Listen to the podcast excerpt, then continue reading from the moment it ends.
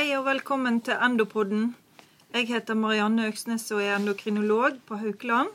Og i dag har vi vært så heldige å få med oss Reidar Kvåle, som er anestesi- og intensivlege. Og da skal vi ha et lite dypdykk inn i kalium, en av de viktigste elektrolyttene vi har. Og både hypo- og hyperkalemi er vanlige og potensielt farlige tilstander som de fleste leger kommer til å møte en gang i arbeidslivet. Så Reidar, kan ikke du forklare hvorfor er kalium viktig for oss? Det kan jeg. Eh, for å forstå hvorfor kalium er så viktig, så må vi repetere litt grunnleggende cellefysiologi. Vi husker at det er forskjellig elektrisk spenning inni og utenfor cellene, og dette utgjør membranpotensialet, som er helt grunnleggende for at celler skal kunne reagere på ulike typer stimuli.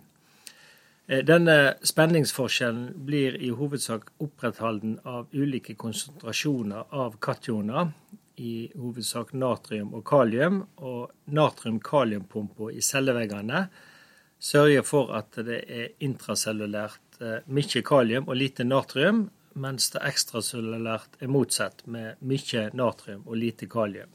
Så kalium er altså det dominerende intracellulære kationet, og er viktig for normal funksjon i mange fysiologiske prosesser som væskebalanse, normal cellefunksjon, metabolisme og proteinsyntese. Men i denne sammenhengen, eh, akuttmedisinsk, så er vi mest opptatt av at kalium er viktig for eksitabelt vev, eh, nemlig eh, hjerte, muskel og nervefunksjon. Ja, Da er det lett å forstå at kalium er grunnleggende viktig for normal fysiologi. Men hvordan omsetter vi kalium i kroppen, og hvor finner vi mest av det? Altså Normalt så får vi kalium i kosten, eh, og vi kan tilføre ekstra kalium både enteralt og intravenøst. Kalium blir lagra i cellene og utskilt mest i urinen, eh, litt i avføring og svette. Men det som er viktig, er at hele 98% av alt kroppskalium er intracellulært mens det er endringer i de 2% som er ekstracellulært, som gir symptom. Så vi karakteriserer vanligvis kaliumforstyrrelser basert på serumnivå i blodprøver. Og Normalt er dette nivået 3,5-5 millimol per liter. Lett hypokalemi er definert som 3,0-3,5. Middels eh, alvorlig hypokalemi som 2,5-2,9. Og alvorlig hypokalemi det er under 2,5 millimol per liter. Tilsvarende lett hyperkalemi definert som i området 5,1 til 5,9 millimol per liter. Moderat hyperkalemi 6,1 til 6,9, og alvorlig hyperkalemi mer enn 7 millimol per liter. Ja, og Nå kommer vi til det jeg alltid har syntes er litt komplisert, nemlig sammenhengen mellom kalium og syrebaseforstyrrelser. Kan ikke du forklare hvordan denne sammenhengen er nå igjen? Ja, du er ikke alene om å synes det er litt komplisert, men eh, det er ikke så veldig vanskelig, egentlig. La oss starte med pH. Det er jo et mål på hvor sur ei væske er, bestemt eh, av konsentrasjonen av H eh, Dess høyere konsentrasjon av H dess lavere pH. Og motsatt, dess lavere konsentrasjon av H dess høyere pH. Acidose og alkalose. Men hvordan er så sammenhengen med kalium? I kroppen er konsentrasjonen av H pluss og K pluss veldig ulik. Eh, vi kan likevel forenkle forenkla si at både H pluss og K pluss har en balanse eh, mellom ekstra og intracellulært, og de konkurrerer på en måte om plassen inni cellene, som to kationer. Og hvis vi har alkalose, så vil H pluss gå ut av cellene for å prøve å motvirke noe av H pluss-mangelen og pH-stigningen som har skjedd ekstracellulært. Og da vil kalium og natrium gå inn i cellene for å holde ved like elektronnøytraliteten. Så skjer det primært et kaliumtap ekstracellulært. Eh, da vil kalium gå ut av cellene for å kompensere, og så vil H pluss gå inn i cellene. Så hypokalemi det hører altså vanligvis sammen med alkalose. Ved acidose så vil noe av overskuddet av H pluss gå intracellulært, der det skjer en buffring, og da vil kalium og natrium gå ut av cellene for å holde oppe elektronøytraliteten. Så acidose henger dermed sammen med hyperkalemi. Og for hver endring 0,1 i pH, så endrer serum kalium seg ca. 0,5 millimol per liter. Derfor er det ekstra farlig hvis du har en uttalt acidose som skulle eh, gi en høy kalium, eh, hvis du i en sånn situasjon har en normal eller til og med lav målt serum kalium. Da kan væskebehandling og korreksjon av acidosen raskt gi en kritisk hypokalemi. Det er litt mer komplisert eh, når en kommer på detaljnivå. Eh, det er sånn at metabolske acidoser gir mer hyperkalemi enn respiratoriske acidoser. Og hyperkalemien er litt mindre uttalt ved en laktacidose og en ketoacidose enn ved andre metabolske acidoser. Men prinsippet er det samme. Da er vi jo litt eh, inne på det, men kan du si noe enkelt om hvordan man får for lite kalium? Altså Det er tre hovedmekanismer bak en hypokalemi.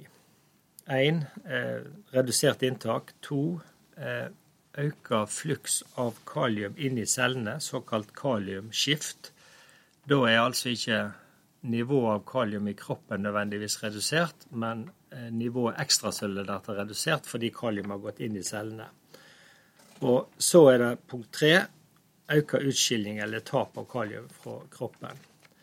Eh, hvis vi begynner med redusert inntak, punkt 1, så er det sjelden vi får alvorlig hypokalemi fordi nyrene kompenserer med å skilje ut mindre kalium. Men hvis vi gjør diuretika i tillegg, så kan det bli et farlig lavt kaliumnivå. Den andre mekanismen eh, dette med kaliumskift inn og ut av cellene. Eh, det er sånn at hvis vi stimulerer natrium-kaliumpumpa, så vil mer kalium gå inn i cellene. Og både insulin og beta-adrenerg effekt stimulerer natrium-kaliumpumpa. Det vil òg eh, i denne sammenhengen med kaliumskift være viktig å peke på altså at hvis vi endrer pH ekstracellulært, f.eks. ved å alkalisere Eh, pasienten, buffre pasienten, så vil det overføre til kaliumtransport inn i cellene. Tredje mekanismen bak hypokalemi er økt utskilling eller tap. Og her kan både eh, øvre og nedre gastrointestinelle tap gi eh, uttalt hypokalemi. I nyrene kan vi òg tappe kalium, og det er mest knyttet til diuretikabruk, men òg økt mineralkortikoidaktivitet.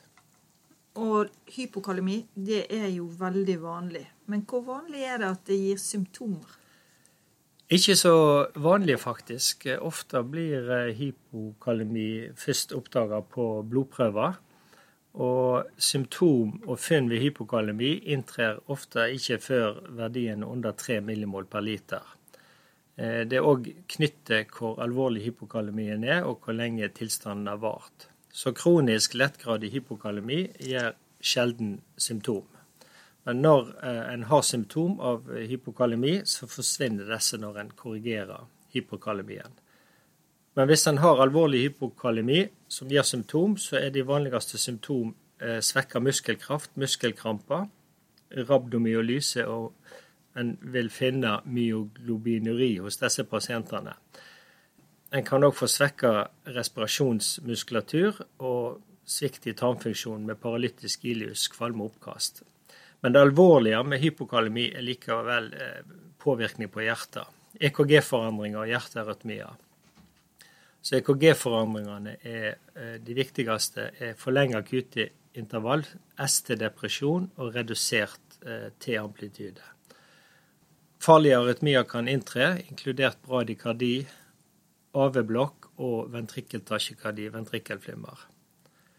Og denne arytmitendensen den blir forverra av økt adrenergaktivitet og magnesiummangel, eh, og dette reduserer jo òg kalium i seg sjøl. Endelig så kan vi si at forlenga eh, langstående hypokalemi kan føre til nyreskade. Men det viktige er den sirkulatoriske eh, faren. Og Hvordan vil du anbefale å behandle hypokalemi? Altså Mildere og, uh, former og asymptomatisk hypokalemi kan lettest korrigeres med oral tilførsel. En kan gi kajos uh, som mikstur òg, og en kan gi kaliumrik drikke og mat. Men alvorlig og symptomatisk hypokalemi det krever rask behandling med intravenøs tilførsel. Og vi kan gi kalium konsentrert intravenøst på eh, infusjonspumpa, men da må det skje i en overvåka eh, avdeling, f.eks. på en intensivavdeling. Ellers er det vanlig å gi kalium i tilskudd til f.eks. natriumklorid intravenøst. En bør ved erstatning av hypokalemi unngå glukoseholdige væsker, for eh, det kan redusere effekten pga.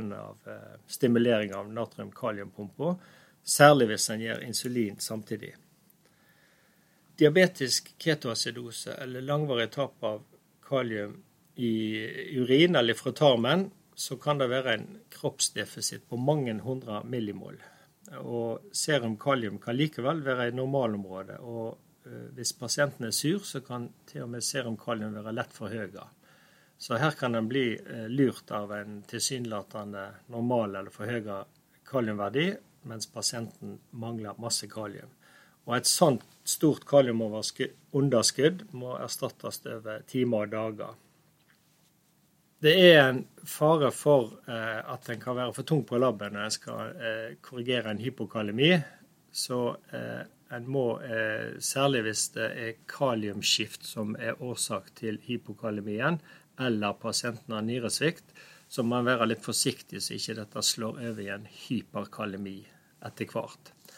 Og Så er det òg endelig viktig å påpeke at en må eh, sjekke og eventuelt korrigere en hypomagnesemi eh, parallelt, fordi eh, hypomagnesemi eh, fører til kaliumtap i urinen. Ja, det var mye nyttig om hypokalemi. Men eh, vi må jo snakke om for mye kalium òg, eller hyperkalemi. Hvordan får man det, og hvilke symptomer gir det? Ja, For hyperkalemi så er det som eh, ved hypokalemi tre hovedmekanismer, og det er stort sett de motsatte av ved hypokalemi. Så hyperkalemi oppstår enten pga. Eh, økt inntak eller økt fluks av kalium ut av cellene. Kaliumskift ut av cellene, altså. Eller Tre, redusert eh, utskilling eller tap eh, av kalium fra kroppen. Det er veldig sjelden at økt inntak gir alvorlig hyperkalemi alene. Iallfall hvis nyrefunksjonen er normal. Økt frislipp av kalium fra cellene er derimot langt vanligere, og det kan oppstå ved mange tilstander. F.eks. insulinmangel, betablokade, vevs- og celleskade, f.eks. hemolyse, men òg ved hard fysisk aktivitet, og visse medikament kan utløse dette her, bl.a. Eh, kurasitt. Og eh, som vi nå vet, eh, ei acidoseutvikling, et fall i pH, vil føre til kaliumtransport ut av cellene og en hyperkalemi. Redusert utskilling av kalium som det tredje punktet er først og fremst knyttet til akutt og kronisk nyresvikt, men eh, en, en, rekke medikament kan også påvirke utskilling av kalium, eh, bl.a. Eh, ACE-hemmere. Hypoaldosteronisme og hypovolumi kan òg føre til redusert kaliumutskilling. De viktigste symptomene å finne ved Hyperkalemi er som ved hypokalemi knytt til muskelsvekking og EKG-forandringer. Og EKG-forandringene ved hyperkalemi er først og fremst uh, høyere T-bølge og bredde for breddeforøka QRS-kompleks. Og da kan det inntre farlige hjertearytmier. Den faren for arytmier er størst ved en serumkaliumverdi over 7 millimol per liter. Om behandlingen, da. Vil du si at eh, hyperkalemi er lettere å behandle enn hypokalemi? Ja, i grunnen. Eh, det er egentlig både raskere og enklere å behandle. Det er vanlig å behandle hyperkalemi når verdien overstiger 6 millimol per liter, og særlig hvis en ser endringer i EKG. Det mest effektive akutt er å framprovosere et kaliumskift, altså drive kalium inn i cellene og det kan vi gjøre med å gi pasienten glukoseinsulindrypp, eller eh, betastimulere, f.eks. gi salbutamol. Eller hvis det foreligger en acidose, så er det effektivt å bufre. Eh, og dermed eh, øke pH-en utenfor cellene. Det vil òg drive kalium inn i cellene. I akuttfasen ved en hyperkalemi så er det viktig å gi kalsium. F.eks. kalsiumklorid 5-10 millimol intravenøst. Dette endrer ikke kaliumverdien i seg sjøl, men det stabiliserer hjertemuskulaturen og reduserer dermed faren for alvorlige arytmier. I tillegg eh, så er hemodialyse veldig effektivt mot hyperkalemi, men det tar jo nødvendigvis litt tid å etablere hemodialyse, så ofte begynner vi med de medikamentelle tiltakene før vi setter i gang dialyse der det er aktuelt. Og i en mer eh, rolig situasjon så kan vi òg gi eh, stoff som virker som jonebyttere i tarmen, og dermed fører til utskilling av kalium i tarmen. F.eks. Eh, Lokelma, eh, som er et moderne stoff, og Resonium, som har vært på markedet i mange år. Tusen takk, Reidar. Helt til slutt, kan du oppsummere tre ting som er viktig å huske om kalium og kaliumforstyrrelser? Først vil jeg da si at hvis du har eh, påvist hypo- eller hyperkalemi hos en pasient, så tenk alltid på å sjekke om det kan være syrebaseforstyrrelser samtidig. For det vil innvirke veldig på eh, kaliumverdien om det samtidig foreligger syrebaseforstyrrelser. Og så er det viktigste å huske på med hypo- og hyperkalemi at den største faren er knytt til eh, arytmier og sirkulatorisk eh, kollaps. Det er den største faren med både hyper- og hypokalemi. Og Det tredje jeg vil si, er at eh, begge deler er i grunnen ganske enkelt eh, å behandle. Men det krever at en vet hva en skal gjøre, og at en monitorerer effekten av behandlinga si med å ta hyppige prøver.